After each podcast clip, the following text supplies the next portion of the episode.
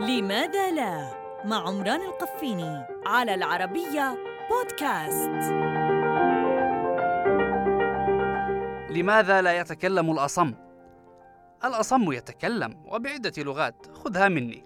فالإشارة لغة. ألا نقول لغة الإشارة والموسيقى لغة بل هي اللغة المشتركة تقريبا بين أكثر الشعوب.